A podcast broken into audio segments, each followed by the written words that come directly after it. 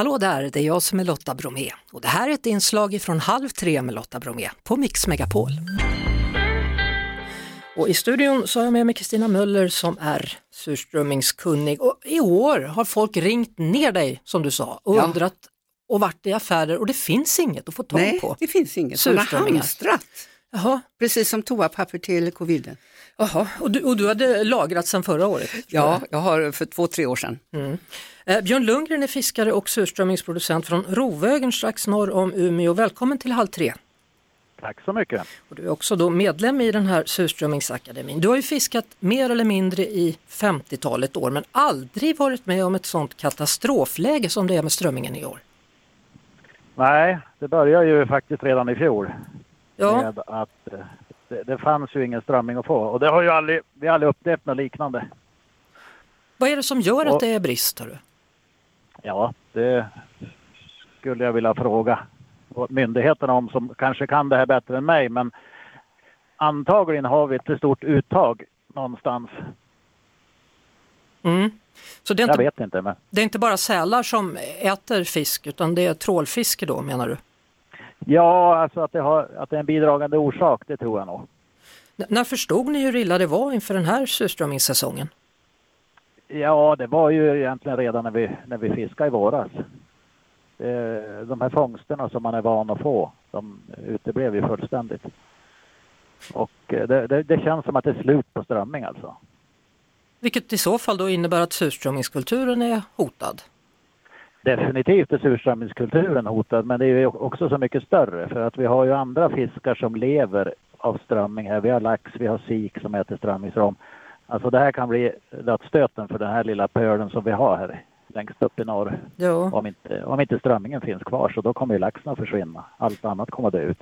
Hur går det till när man fiskar strömming? Hur gör ni? Vi fiskar ju strömming med det vi kallar strömmingsskötar. Som man kan säga är nät. Som vi lägger ut på kvällen och drar upp tidigt på morgonen. Ja. Så om du, om du jämför då en dag med fångsten nu i våras mot hur det var när det var som mest strömming? Ja, vanligtvis måste man ju nästan hålla sig undan så man inte får så mycket strömming. Men nu har vi fiskat det vi kan och fått ihop 10 procent av vad vi önskar. 10 procent! Ja, och vi har tagit reda på varenda ström. Det är inte sålt någonting färskt utan allt har gått till surströmming och vi har fått ihop 10 procent. Så att det, här är, det här är nödläge. Ja, det är verkligen nödläge. Hörru. Vad, vad, Ja. vad skulle du vilja säga? Det är ju valspurt nu. Vad vill du säga till våra politiker Ja, angående den här Någon strömmingbristen? måste, någon måste ju kunna börja titta på det här alltså. Och det är inte läge att börja göra några stora undersökningar. Nu måste vi stoppa det storskaliga fisket till att börja med och se om det ger någon effekt. Eh, sen får man väl, man måste naturligtvis forska vidare men eh, någonting måste göras för annars står vi inför en stor katastrof. Inte bara surströmmingen utan eh, andra, andra, andra fiskar i havet också. Ja, vågar man ens fråga om du ska gå på surströmmingsskiva i år eller?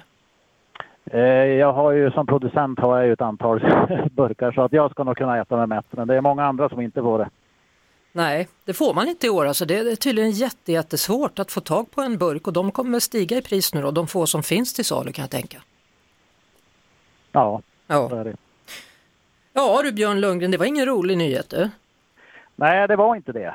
Men eh, jag hoppas att någon som har något, nå, nå, mandat att göra någonting lyssnar på det här och kanske tar tag i det. För det, nu är det allvar alltså.